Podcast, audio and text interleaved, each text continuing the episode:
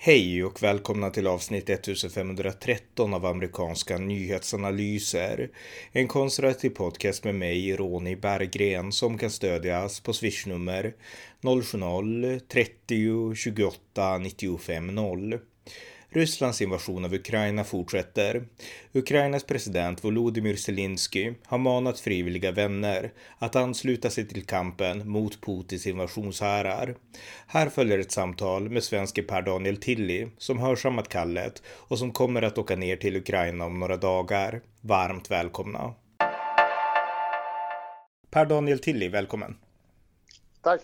Eh, det är så här nu att det är ett krig i Ukraina. Ryssland har invaderat. Vladimir Putin har gjort en oerhörd aggression mot Ukraina och eh, Ukrainas president Zelensky, han har manat människor från hela världen att komma dit och hjälpa Ukraina med försvaret mot ryssarna därför att stormakten eller Europa och USA vill ju inte lägga sig i därför att ja, Ryssland är en kärnvapenmakt och sådär. Så att nu manar Zelensky frivilliga att komma och hjälpa till och du är en av dem som har beslutat dig för att åka dit. Så att eh, vi ska prata om det. Men jag tänkte först alltså allt det här med Ukraina. Hur, hur kände du upplevde du när du såg, alltså som alla andra gjorde, invasionen på tv och så, antar jag? Eh, ja, men det, det, det är klart att eh, första reaktionen blir att man blir otroligt för, förbannad över att man eh, vilket många säkert kommer hävda också, eh, USA har gjort, men eh, att man strider eh, så pass grovt mot eh, den faktiska folkrätten, att man eh, ockuperar en eh, eh, självständig eh, stat i Europa. Eh, och det faktumet att eh, Europa faktiskt är eh, ockuperat just nu av ryska styrkor. Och det faktumet att det från eh, Gotlands sydspets bara är knappt 40 mil till eh, ryskt territorium om eh, Ukraina skulle falla. Eh, rent eh, geopolitiskt så tror jag inte folk förstår vad det faktiskt skulle innebära för Sverige. Samtidigt så, så sagt var det ju två delar i min första reaktion. Samtidigt så, så är det här någonting som, eh, alltså, som har varit på tapeten sedan 2014 egentligen. Så att jag har hela tiden sen dess liksom suttit och funderat på när en invasion faktiskt kommer komma eller om den kommer komma. Och senaste året så, så har jag varit helt hundra på att den kommer komma. Så att eh, jag har lite grann suttit och eh, väntat på att den här dagen skulle komma trots att jag såklart har hoppats på att den aldrig kommer göra det. Men under ett års tid så har jag sagt till familj och släkt att jag kommer åka ner den dagen då Ryssland invaderade Europa. Eh, så att på sätt och vis så, var det att ah, det är nu det händer. Det, det, är nu det är dags för mig att liksom börja agera. Mm. Eh, så att en lättnad är absolut fel ord, eh, men eh, någonstans ändå eh, skönt att veta att man eh, inte behöver vänta längre. För, för, för, alla som har haft någorlunda koll på säkerhetsläget har nog någonstans förstått, även om man kanske inte kommer vilja erkänna det, förstått att den här invasionen kommer inträffa. Mm. Eh, sen i vilken skala, det, det, det, kan man ju såklart eh, diskutera. De, de flesta, inklusive mig, trodde nog att man skulle nöja sig med Krim. Mm. Nej, så är inte fallet. Men eh, det var min reaktion. Ja, jag förstår. Men det är intressant, för att det är många nu som vill engagera sig och många vill skicka pengar och hjälp och vi har redan, det är många som åker dit för att hjälpa till vid gränsen vid Polen och ta hand om dem och så. Det är jättebra. Men det är inte lika många som åker för att delta i en militär insats. Främst skulle jag tro av anledningen att folk inte kan det här. Så att, vad är din bakgrund? Liksom rent lite kortfattat och sådär. Vad, vad är det som gör att du känner att jag kan ta värvning i det militära för att verkligen strida mot ryssarna? Eh, till, till att börja med så vill jag eh, tillrättavisa dig där, där därför det, det, finns uppgifter om att det är 400 frivilliga svenskar som vill, eh, som vill eh, delta. Och eh, bara ta en jämförelse, det, det kanske inte är helt rättvist i och med att det absolut inte är i vårt närområde, men Japan har skickat 50 och det, man är 125 miljoner invånare så att eh, jag tycker ändå att Sverige kan slå sig på bröstet lite när det kommer till, till den faktiska kampviljan och, och viljan att stödja det ukrainska folket och främst Europa. Men nu på om din fråga där. Jag... Ja, din bakgrund. Jag tänkte din bakgrund. Ja, ja. Mm. Min eh, militära bakgrund, utan att gå in närmare på, på den, så, så äh, har, har ju naturligtvis eh, eh, vana med, med vapenhantering. Och sen eh, eh, har jag inte, kanske jag ska tillägga, införskaffat den på olagligt sätt. Eh, utan och det, dels är rätt unga år dessutom också. Eh, som är van vid vapenhantering. Eh, och sen är det klart att eh, jag tror inte någon i Sveriges väpnade styrkor överhuvudtaget har varit med om den krigsföring som vi, vi ser nere i Ukraina idag. Så att eh, vilka erfarenheter den har utav eh, krig så tror jag inte att du kan vara förberedd på det, på det man eh, kommer möta där nere. Eh, när det kommer till min bakgrund så, eh, så är det nog ett eh, program i sig, höll jag på att säga. Jag eh, eh, blev ju placerad första gången när jag var åtta månader gammal. Eh, och det, det bottnar i att min mor var 16 när hon fick mig. Eh, hennes syster var ett år yngre Eh, min mormor hade MS. Eh, och morfar, vad jag förstod i, i den åldern, han eh, arbetade inte ens i Sverige. Så att eh, jag eh, föddes ju på ett eh, mödravårdshem mm. Eh, som mamma var på, Dunäshemmet. Och eh, därefter så hade jag fram tills jag var 18 år så hade jag drygt eh, 30 placeringar bakom mig.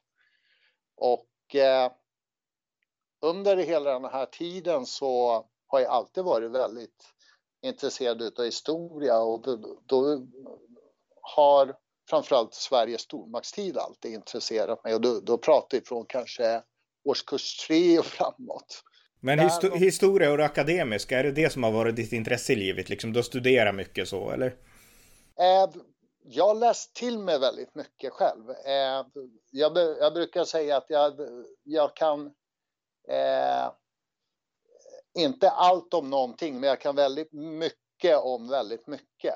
Eh, när det kommer till eh, militärhistoria så, så har jag liksom varit intresserad av väldigt, väldigt, väldigt länge.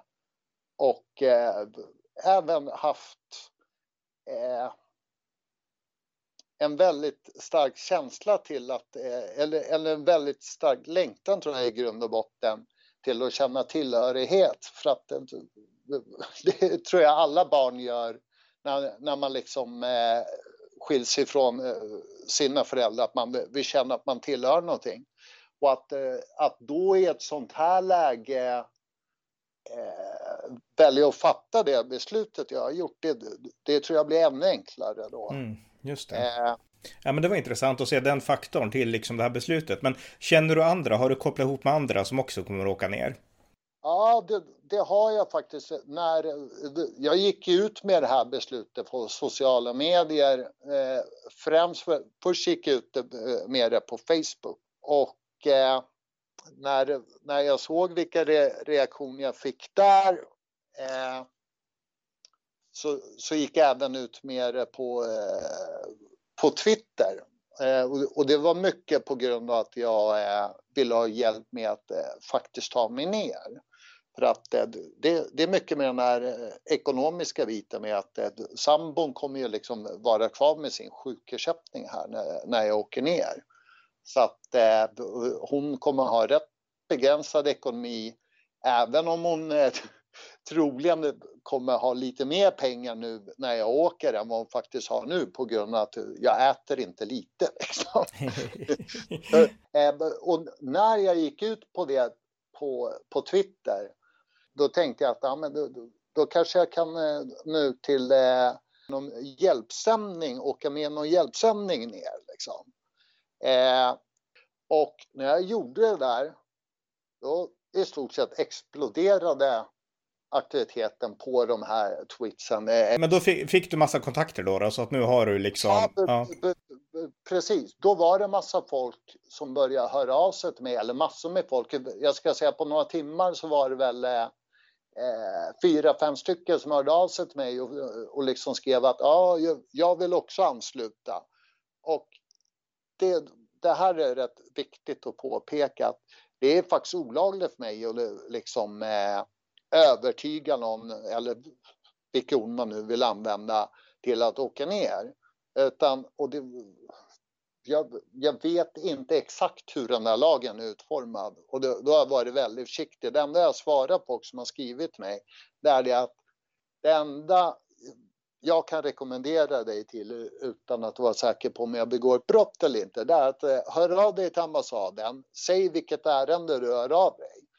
Och sen när de återkopplar till dig, berättat vad du ska göra och du liksom har fattat ett aktivt beslut och sagt det till dem, då kan jag liksom berätta för dig vad, eh, vad de, eh, alltså vad som kommer hända härnäst. Mm. Så det, det, här styrs upp via Ukrainas ambassad alltså? Det är där dit man vänder ja, sig? Mm, Okej, okay, just det. Det är, man, det är flera steg. Nu, nu, nu eh, vet inte jag hur mycket jag vill berätta Nej om det. Nej, det behöver du inte göra.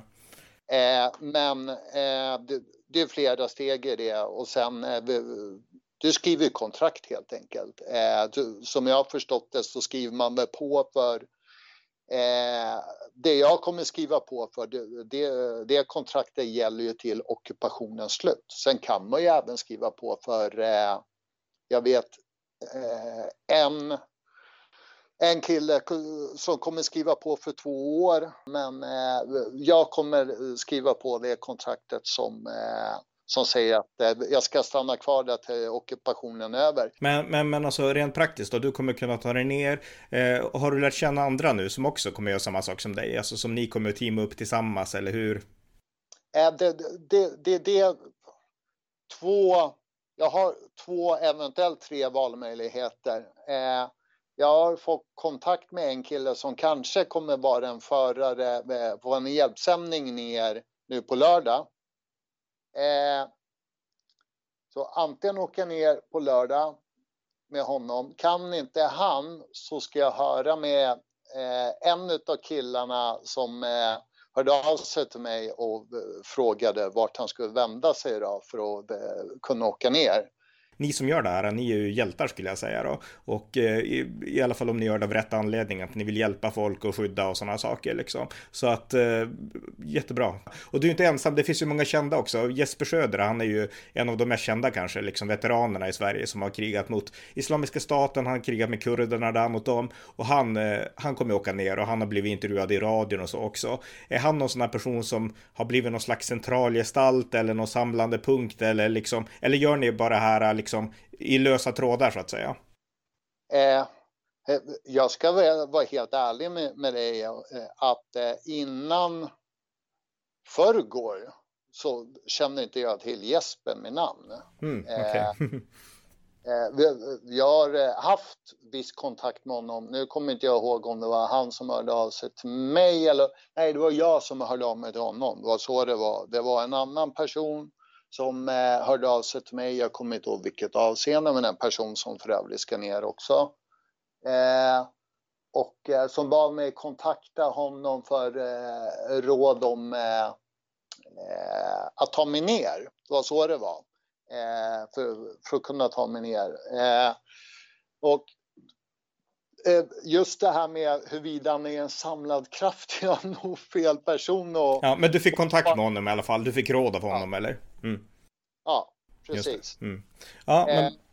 Precis, bra. Ja, men då, vi kan, jag har en fråga till också, vi kan gå vidare lite i samtalet här då. Så ja. nu när du kommer att komma ner, vi vet ju inte exakt hur det här kommer struktureras eller vilka som styr upp det. Det kanske är Ukrainas militär som liksom, ni får liksom ställa er under någon officer där eller så, det vet jag inte. Vet du något om det, hur det funkar så praktiskt när du kommer ner och på plats? Eh, det, det jag vet, det är att eh, eh nu, nu, nu vill inte jag på grund av eh, AppSec så, mm. så, så, vill inte jag gå in på... Eh, eh nej, inga detaljer. Nej, nej, nej. vilka städer. Men så här är det. För först så eh, kommer jag ja, antingen då flyga eller om det blir via hur jag nu tar mig ner till eh, Polen. Eh, och sen därifrån, det, när jag väl kommer ner till Polen till, till den här staden som jag blivit hänvisad till så ska jag gå in på den ukrainska ambassaden där, skriva på kontraktet. Eh, och sen därifrån ta mig till en eh, eh gränsstad som jag fått eh, anvisad eh, för mig.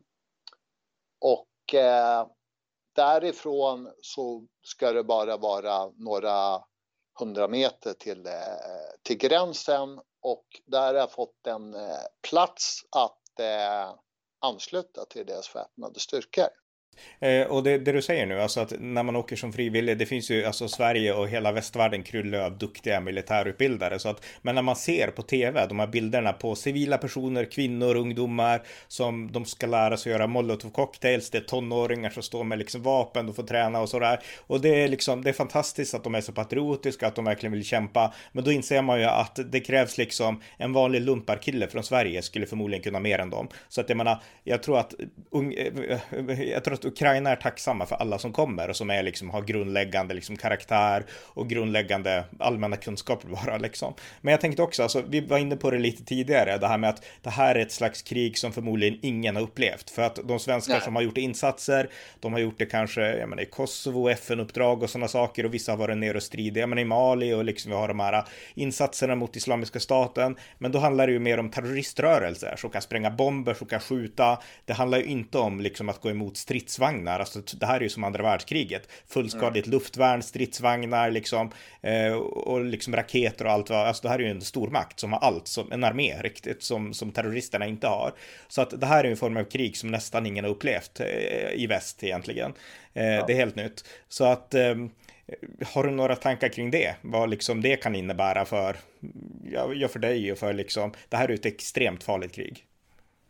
Ja, eh, alltså jag vet inte riktigt vad jag ska jämföra med. Den, den första jämförelsen som kommer upp för mig, det, det, det är ju eh, finska vinterkriget naturligtvis. Mm.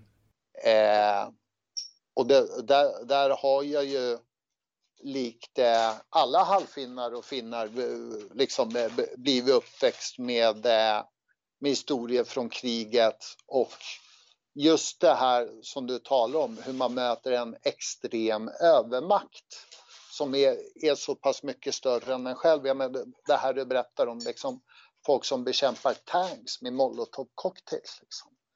Det, det, det, var mycket på den nivån man, man, eh, man förde krig mot ryssen i Finland också. Mm. Och eh,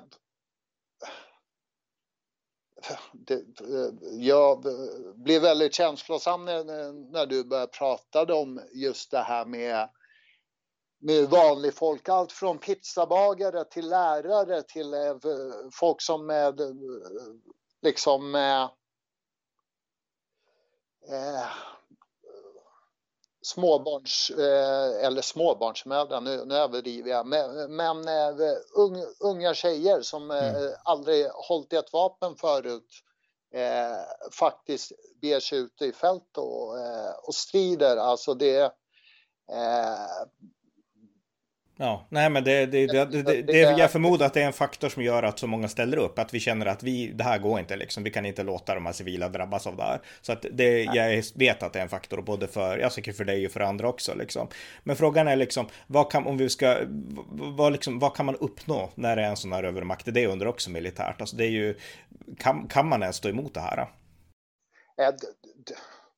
Det är jätte jättesvårt för mig att sitta här hemma och utifrån tv-bilder eh, eh, kunna svara på vilka, vilka eh, strategiska fördelar den eh, alltså ukrainska väpnade styrkor eh, möjligen har mot, eh, mot Ryssland kontra vilka svagheter. Alltså det, det blir ju såklart rena spekulationer men Eh, det som jag känner är viktigast i min insats, det, det som jag kan bidra med, det är att för varje frivillig som ansluter så är det naturligtvis allting i fråga om en tid. Tid att få in nya eh, nytt material från eh, Europa och USA.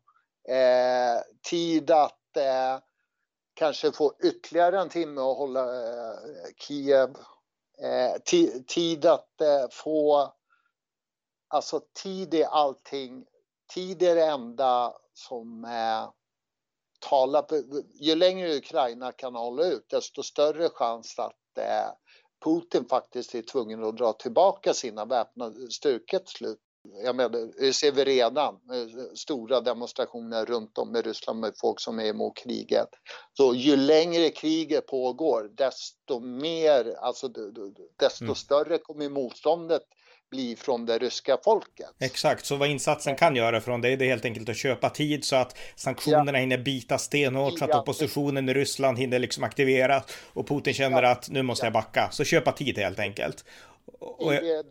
Tid är enda som talar för Ukraina just nu. Mm. Du, hade, hade du frågat folk för tre dagar sedan om eh, gemene man om, eh, om de trodde att eh, Ukraina skulle, skulle vara självständigt fortfarande idag, då tror jag väldigt få hade svarat ja på mm. den frågan.